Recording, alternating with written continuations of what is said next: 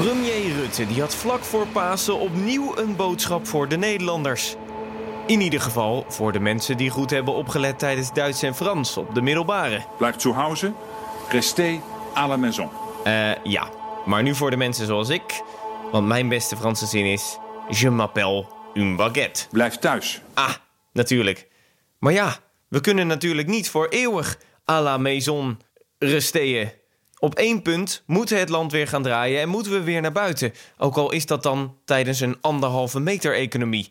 En daarvoor heeft het kabinet een idee bedacht. De kans is groot dat ons mobieltje straks het ultieme wapen gaat worden in de strijd tegen verspreiding van het coronavirus. En dat wapen is geladen met apps.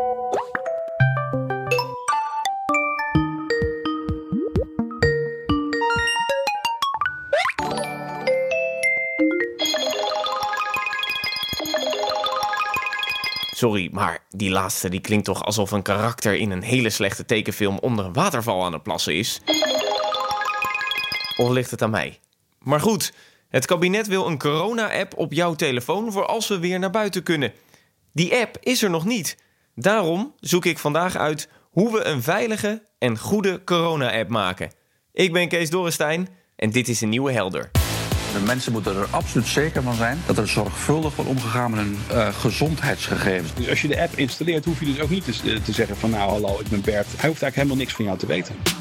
Het liefst doe je de dingen vrijwillig. Wij zijn geen land, denk ik, van overheidsverplichtingen. Toch hou ik nog even een slag om de arm. Je kan je voorstellen hoe goed dat gaat. Want iedere grappenmaker die daar zin in heeft, drinkt te veel bier en die drukt op die knop. We zullen dit alleen kunnen doen als de privacy voldoende gewaarborgd is. Laat dat helder zijn. Helder.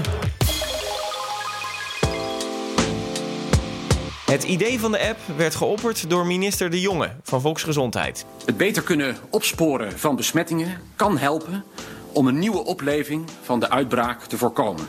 En we denken daarbij aan twee mogelijke apps. Eén die je vertelt of je in de buurt bent geweest van een andere gebruiker die besmet blijkt te zijn.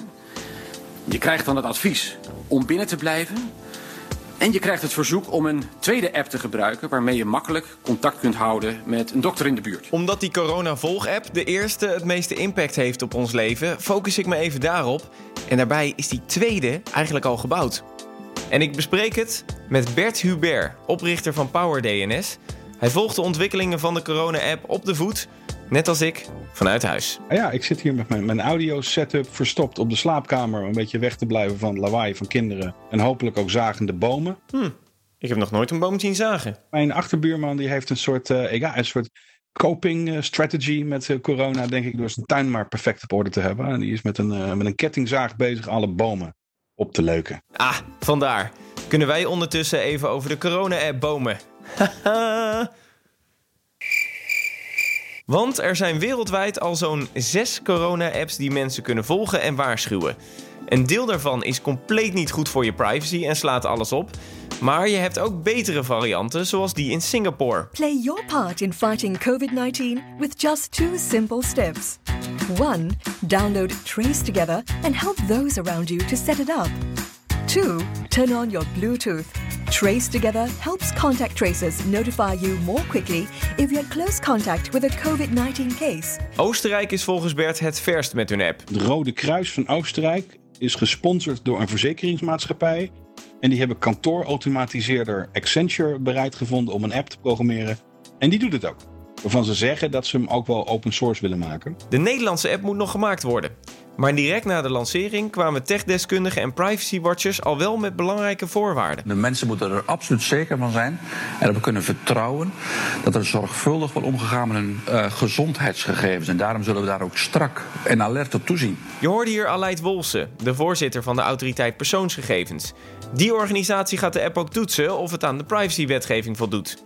Minister De Jonge heeft het privacybelang trouwens ook erkend. De enige manier waarop wij die app in Nederland kunnen gebruiken, als die, dat is als die voldoet aan privacynormen. Dus bij de ontwikkeling de komende uh, weken, of bij de keuze eigenlijk, de selectie van welke app moet het worden, kan dat alleen maar, en dan maken we ook gebruik uiteraard van externe deskundigen om ons daarin goed te adviseren, kan het alleen maar als het voldoet aan uh, privacystandaarden. Om de app veilig te houden wordt de techniek uit Singapore gesuggereerd. Turn on your Bluetooth. En dat is best ingewikkeld. Het is vrij simpel om uit te leggen. Oh. Nou ja, leg jij het er maar uit, Bert. Uh, een telefoon kan via Bluetooth berichtjes uitsturen Bluetooth Low Energy. En die berichtjes komen niet zo ver. Die komen een paar meter.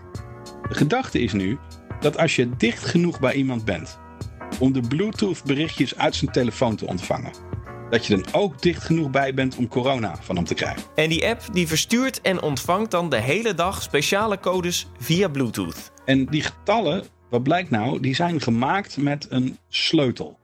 Cryptografische sleutel en die is geheim, die weet alleen maar jij. Totdat je zegt, ik zet het knopje om, ik heb corona gekregen. En dan wordt die sleutel uitgezonden en dan kan iedere telefoon zelf vergelijken. Van, joh, zit er in mijn, mijn wallet van uh, corona berichtjes die ik heb ontvangen, zitten daar berichtjes die gemaakt zijn door deze sleutel. En die kan dat dan controleren. En uiteindelijk is er dus wel een centrale server die ziet van nou deze corona sleutels, deze ja, zijn ooit besmet geweest. Oké. Maar die server heeft nog steeds geen idee wie dat is. En hoeft dat ook nooit te weten. Dus als je de app installeert, hoef je dus ook niet te, te zeggen van nou hallo, ik ben Bert en dit is mijn, uh, mijn BSN en uh, ik maak even een foto van mijn identiteitskaart uh, ermee.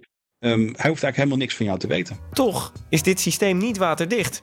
Even een paar punten om op te letten tijdens het bouwen van de app. Bluetooth gaat bijvoorbeeld door muren en glas heen, waardoor hij kan denken dat je met iemand in contact bent geweest, terwijl dat niet zo is.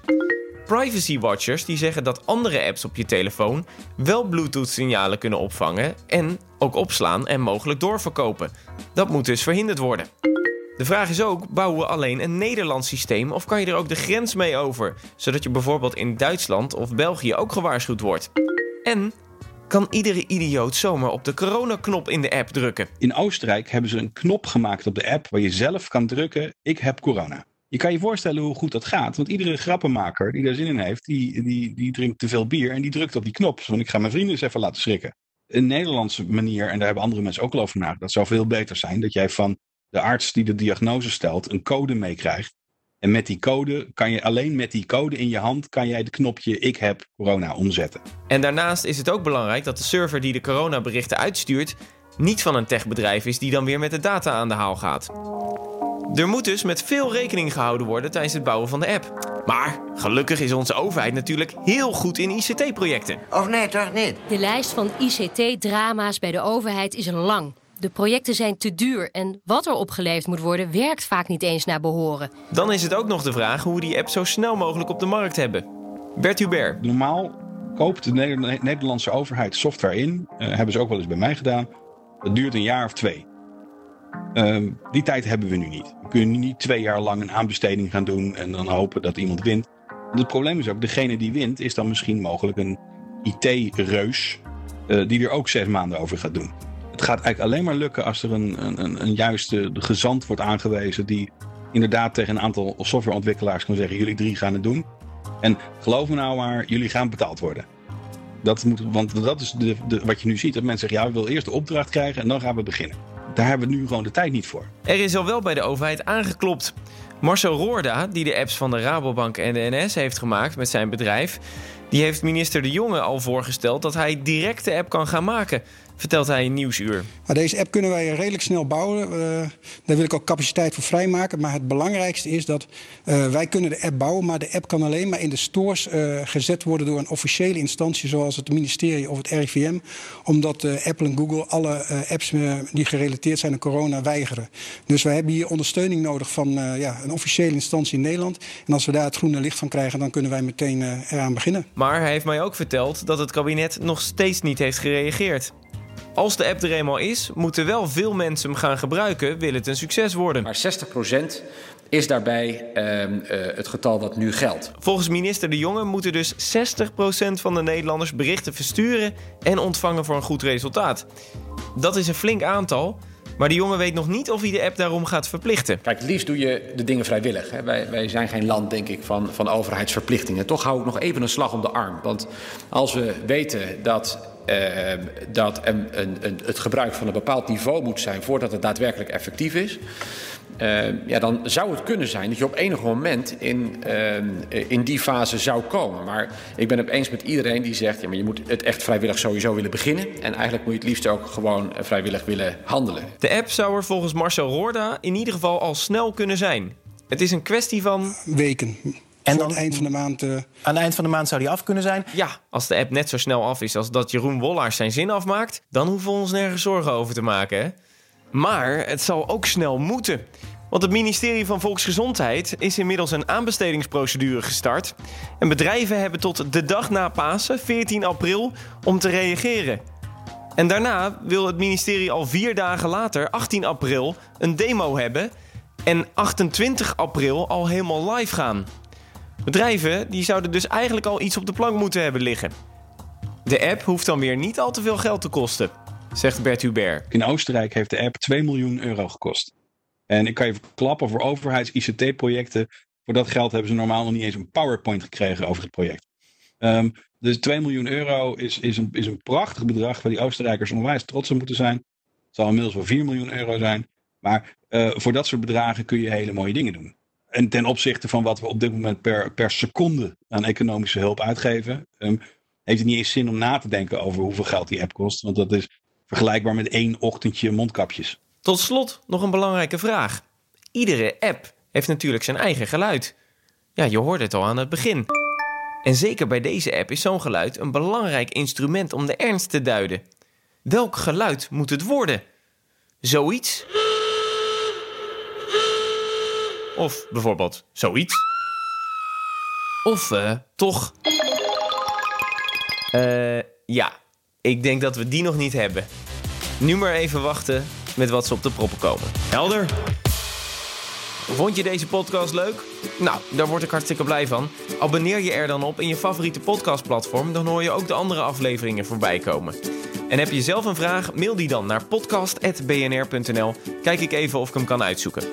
Volgende week opnieuw een onderwerp. Lekker helder.